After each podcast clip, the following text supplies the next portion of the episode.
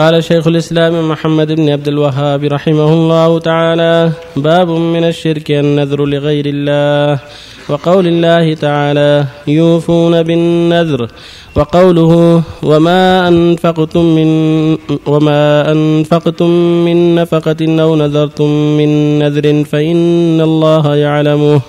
وفي الصحيح عن عائشة رضي الله عنها أن رسول الله صلى الله عليه وسلم قال من نذر أن يطيع الله فليطعه ومن نذر أن يعصي الله فلا يعصه.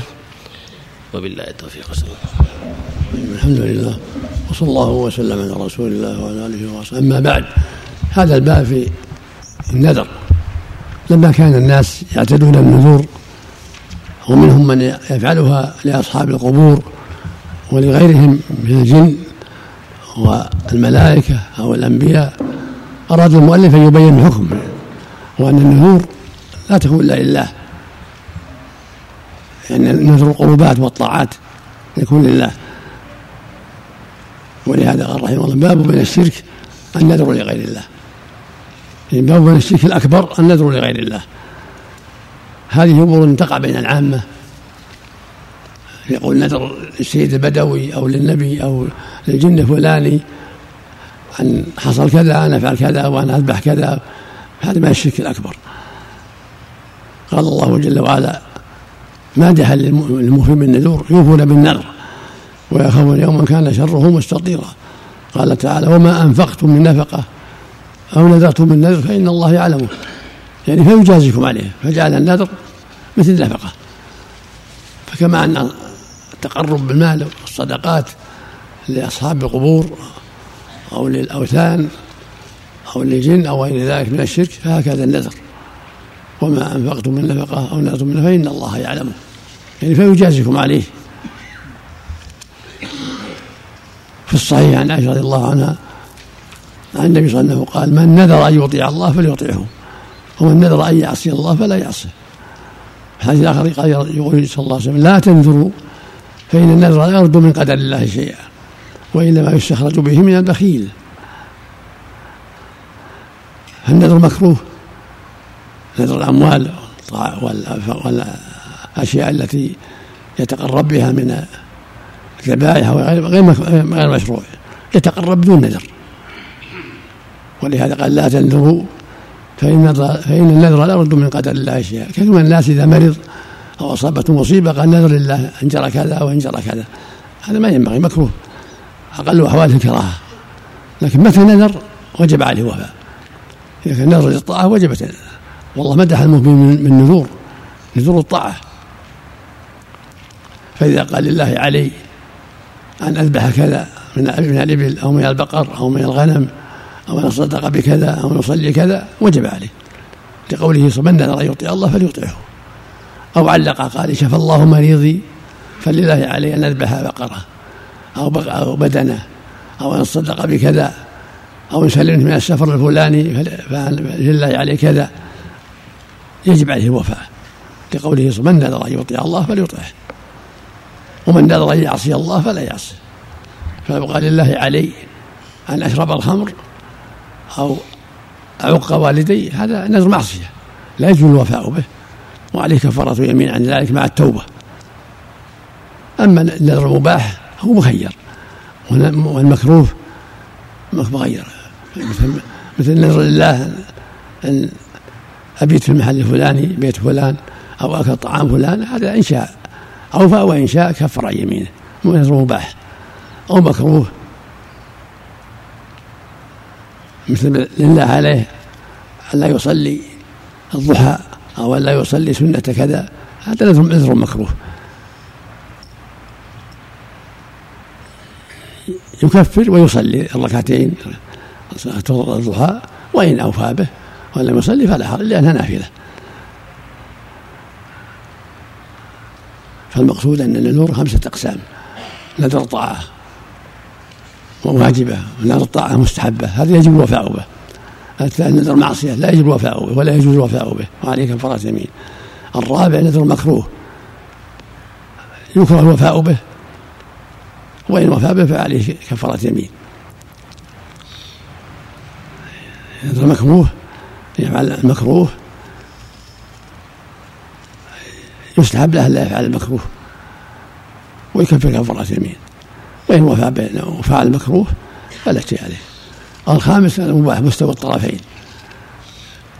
يدرى أن يأكل التمر أو يأكلها اللحمة إن شاء أكلها وإن شاء تركها. إن أكلها فلا بأس وإن لم يأكلها فعليه كفارة يمين. وفق الله الجميع. نعم. أحسن الله عليك من نذر عند تلفظه بالنذر يوصى بأن يقول إن شاء الله. نعم. من نذر نذرا مباحا. يوصى بأن يقول إن شاء الله قل إن شاء لا الله. ينذر مرة. مكروه مكروه له النذر تلفظ الرسول قال لا تنذروا.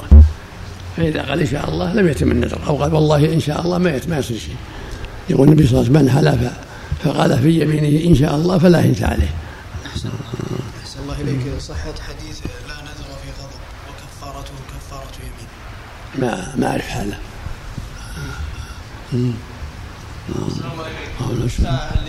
نعم. الساعة المطلية بالذهب حكم لبس تصلح النساء. أما الرجال لا. مكتوب عليها يعني 18 شوط ما تصلح إلا للنساء الساعة المطلية بالذهب. هذه للنساء. لا الله ولا إله إلا الحي القيوم لا تاخذه سنه ولا يقول إذا ثبت كونه عبادة فصرفه نعم. إلى غيره شرك نعم المسائل إذا ثبت كونه عبادة فصرفه إلى غيره شرك.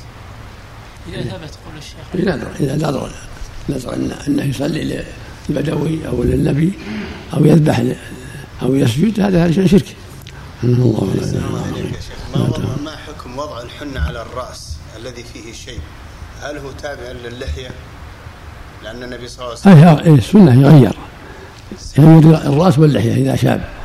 السنة التغيير لكن بغير السواد. غير السواء بالصفرة بالحمرة أو بين السواد والحمرة.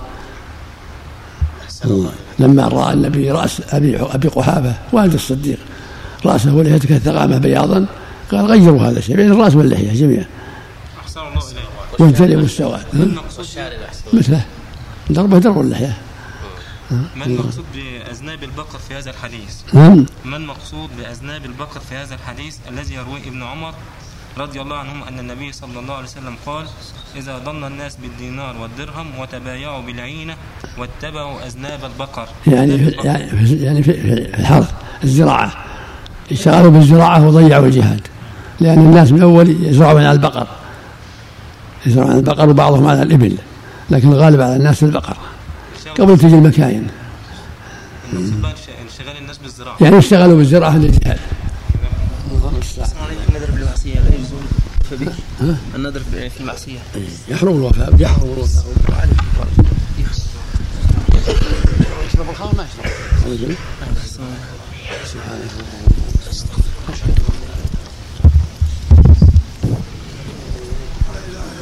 السلام عليكم. السلام الله ما لله السلام عليكم شو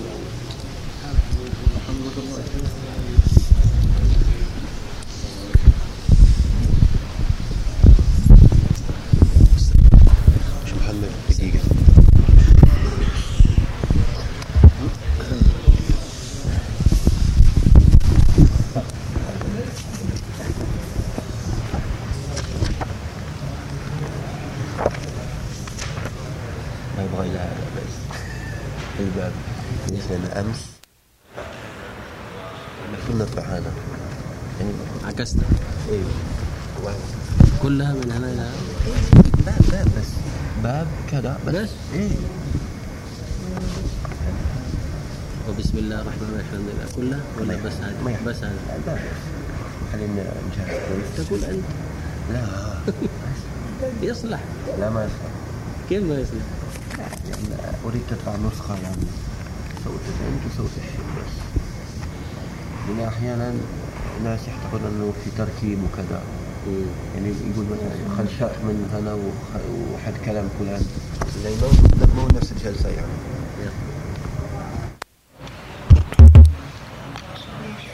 باب لا يذبح لله بمكان يذبح فيه لغير الله.